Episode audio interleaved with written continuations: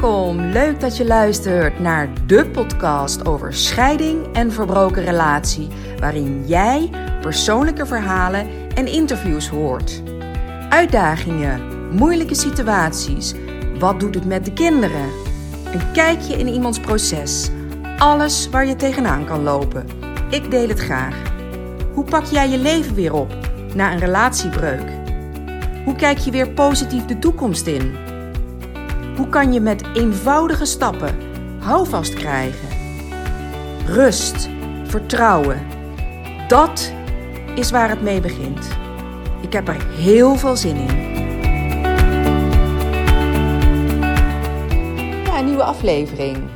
Nou, ik uh, ben helemaal opgeladen. Heel veel energie heb ik. Uh, afgelopen weekend, ik vertel het eventjes, even een persoonlijk verhaal daarbij, um, hadden wij een familiereunie in de in het oosten van het land. De familie van mijn moeder. Mijn moeder is overleden. Dus het was extra speciaal voor mij en voor mijn zussen en voor mijn broer. En uh, je merkt dan, uh, er zijn heel veel verschillende mensen die je heel lang niet gezien hebt. Sommigen zijn wat, wat vaker gezien, anderen helemaal niet meer sinds de laatste familiereunie. En uh, het mooie is dat je dan uh, toch overeenkomsten ziet. En niet alleen overeenkomsten in wie je bent en hoe je in het leven staat. Maar uh, voornamelijk ook veel overeenkomsten vanuit, uh, gezien vanuit de opvoeding. Dus uh, weet je, het zijn natuurlijk allemaal broers en zussen van mijn uh, moeder. En mijn neven en nichten hebben een hele andere opvoeding gehad. Maar toch zie je raakvlakken en zie je dingen terugkomen, patronen terugkomen. Um, mijn moeder en haar broers en zussen hebben natuurlijk een bepaalde opvoeding gehad. En uh, heel veel positiviteit. Maar natuurlijk ook bij hen uh, waren er issues, behoorlijke issues, die zij bewust en onbewust meenemen in hun eigen opvoeding. De opvoeding die ik heb gekregen. En het grappige was dat, uh, dat je dan elkaar eigenlijk bijna nooit ziet. En dan kom je in gesprek met neven en nichten. En dan zijn er een aantal die uh, tegen dezelfde dingen zijn aangelopen. En het is dan echt heel mooi om te kunnen delen met elkaar. En ook heel verhelderend. En uh, ja, dat wilde ik gewoon even delen. Want ik merk dat uh, natuurlijk in het scheidingsproces, het scheidingsverhaal, ieder heeft zo zijn eigen verhaal en zijn eigen proces. Maar daarin heb je ook een heleboel raakvlakken. En ik dacht, ik ga vandaag een podcast opnemen met een heel nieuw onderwerp. Een onderwerp wat helemaal niet te maken heeft met, ik, met wat ik net vertelde. Maar een onderwerp wat ik wel heel vaak tegenkom. Dat zou je misschien niet zeggen, maar ik bespreek dit heel vaak aan tafel. Het zijn confronterende momenten die, uh, waar de gescheiden persoon, de, de persoon die een relatiebreuk achter de rug heeft, uh, regelmatig tegenaan loopt. En het is dat als je ex een nieuwe liefde heeft, en dan heb ik het voornamelijk over als dat heel snel na de breuk plaatsvindt, voorkomt. En dat kan heel heftig zijn. Um, ja, het is een extra persoon, ook in het leven van je kinderen. En sommigen ervaren dat als een enorme schok. Want die scheiding is maar net, heeft maar net plaatsgevonden. Misschien een paar maanden, soms een paar weken. Want ja, de keuze hebben jullie gemaakt, misschien samen, misschien één van jullie, dat jullie uit elkaar gaan. En daarna wordt het formele deel geregeld. En uh, dat is meestal een heftige tijd. En als de scheiding dan rond is, dan uh, gaat ja, de, de situatie enigszins um, ja, weer gaat lopen. En je gaat het ervaren, je gaat de situatie aanvaarden. En je bent ook al een beetje aan het experimenteren met het herinrichting van je nieuwe leven. Je bent aan het wennen aan de nieuwe vorm, aan je nieuwe ritme, aan je nieuwe invulling. En je denkt waarschijnlijk zonder daar bewust over na te denken dat je partner dat ook aan het doen is. En ook die ruimte neemt en die tijd daarvoor nodig heeft. Dat klinkt natuurlijk logisch. En het ouderschap krijgt een nieuwe invulling. Twee ouders die hun taken um, vanaf twee adressen gaan regelen. Het halen en brengen van de kinderen en het zorgen dat de spullen verzameld en ingepakt worden. De communicatie uh, die dus van op afstand um, geregeld moet worden. Die, moet, ja, die communicatie die je voor elkaar moet krijgen. Heel vaak is die communicatie al niet zo goed. En dan is het ook nog eens een keer een extra uitdaging als je niet meer onder één dak woont. Ja, dit is gewoon allemaal niet makkelijk. En je redt het. Misschien net. En dan komen de kinderen thuis na het weekend met het nieuws dat je ex een nieuwe relatie heeft. Het kan nog schokkender hoor. Je opent social media, waar je ex zijn nieuwe vlam presenteert. Ja, wow. Zoiets komt hard binnen. En het voelt vaak alsof je leven instort. Het is een soort van mes in de rug. Zo wordt het vaak omschreven. Jij voelt nog verdriet. En je bent nog helemaal niet los. En je hebt tijd nodig. Een weg te vinden. Je bent net uit elkaar, maar je moet nog loskomen. Ja, het alleen zijn komt harder binnen dan gedacht. Je woont apart, maar het voelt absoluut nog niet zo. En je hebt ook nog echt niet de ruimte en de behoefte voor een nieuwe liefde. En dan denk je, ja, hoe dan? Hoe is het mogelijk dat de ander dus blijkbaar die ruimte wel al heeft? Want ja, jij ging er altijd vanuit dat je ex ook die tijd nodig heeft om los te komen.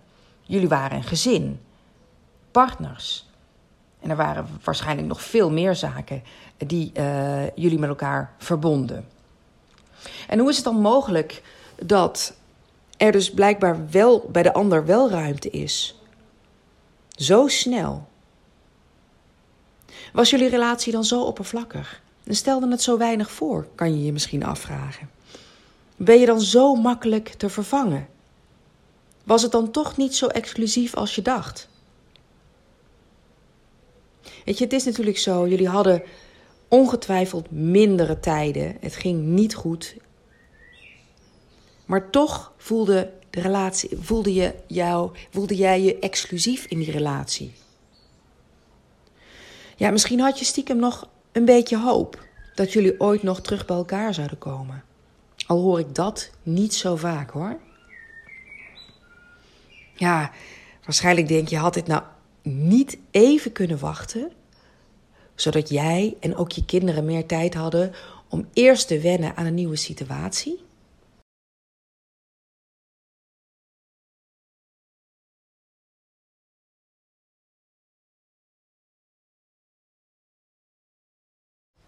Ik had vanochtend uh, een gesprek met een cliënte. En zij benoemde vandaag letterlijk: Ja, mijn ex gaat door met zijn leven en heeft een nieuwe relatie. En ik zie dat het goed gaat en dat doet pijn. En hij heeft behoefte om alleen te zijn. En hij gaf die ook aan uh, bij het beëindigen van de relatie en ook de laatste tijd. En nu zie ik dat hij toch in een nieuwe relatie stapt. En dat doet zo'n zeer. Het verschil is nu zo groot tussen hem en mij. Hij leeft door en ik heb het gevoel stil te staan. Ja, zoals ik al zei, het is gewoon echt heel confronterend.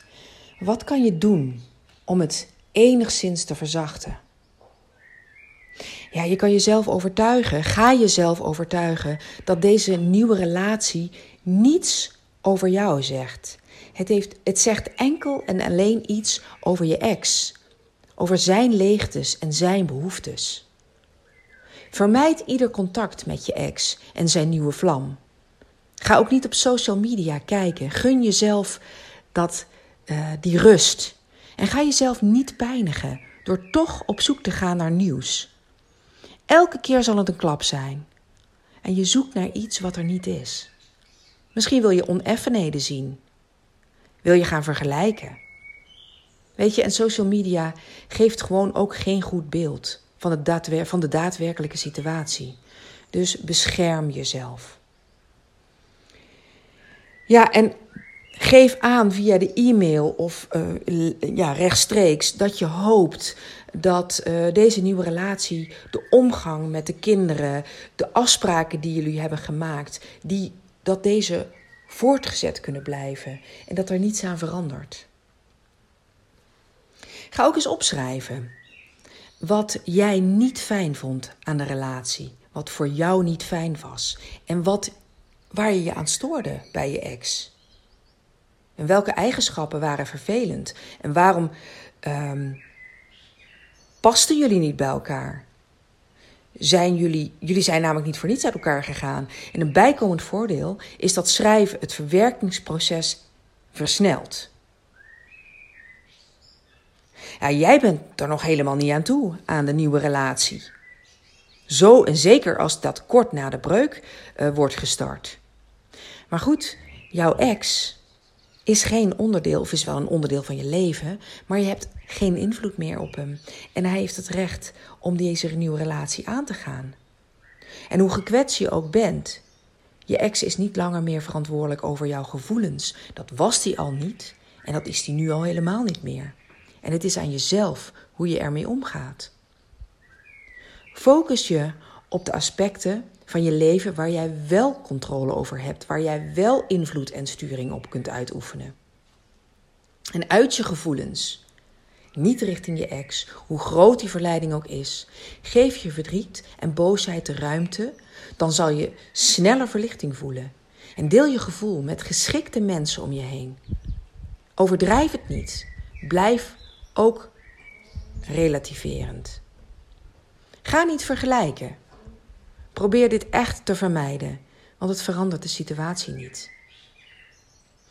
De nieuwe vriendin is geen upgrade van jou.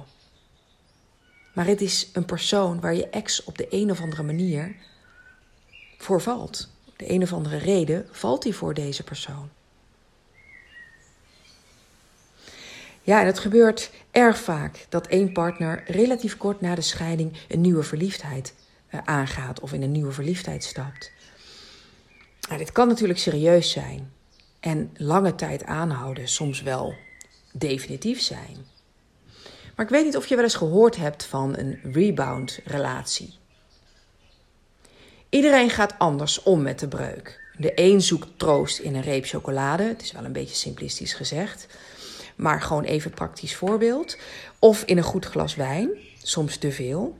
En de ander zoekt afleiding uh, zoekt een andere afleiding. En soms is deze afleiding een zogeheten rebound-relatie. Je start meteen na het verbreken van je relatie een nieuwe. Onbewust zijn rebound-relaties bedoeld om de vorige te vergeten. Even heel kort een paar kenmerken. Nou, dat is de tijd, de korte tijd tussen de oude en de nieuwe relatie. De scheiding is nog vers om er eigenlijk echt overheen te zijn. Je ziet het ook vaak in de partnerkeuze. Het is vaak het tegenovergestelde van hoe jij bent. Tegenover totaal andere interesses. Het uiterlijk is verschillend, heel verschillend. En deze verliefdheid wordt ook wel vaak overdreven, benadrukt.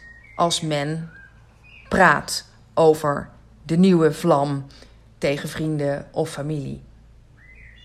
Ja, en waar je het ook kan, kan, uh, aan kan herkennen, is dat er heel snel serieuze stappen worden ondernomen of worden uh, uh, aangegeven. Dus ze geven aan dat ze snel gaan samenwonen, ze gaan snel op vakantie met de kinderen, ehm, verloven, trouwplannen. Of dat er dan daadwerkelijk van komt, is een tweede.